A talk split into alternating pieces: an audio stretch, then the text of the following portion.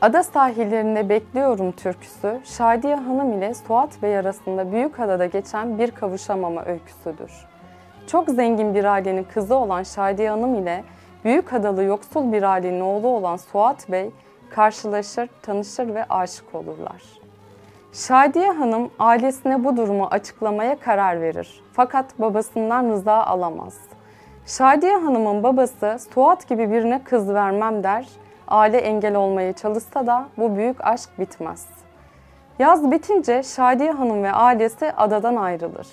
İki sevdalı arasında mektuplaşmalar olur. Suat Bey, Şadiye Hanım'ı ada sahillerinde beklemeye başlar.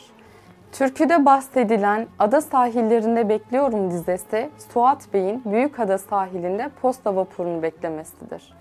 Fırtınalı bir günde Suat Bey, Şadiye Hanım'ın mektubunu beklemek üzereyken denizin hırçın sularına kapılır. Bu türküde Suat Bey'in ölmeden hemen önce söyledikleridir. Ada sahillerinde bekliyorum. Her zaman yollarını gözlüyorum. Seni senden güzelim istiyorum.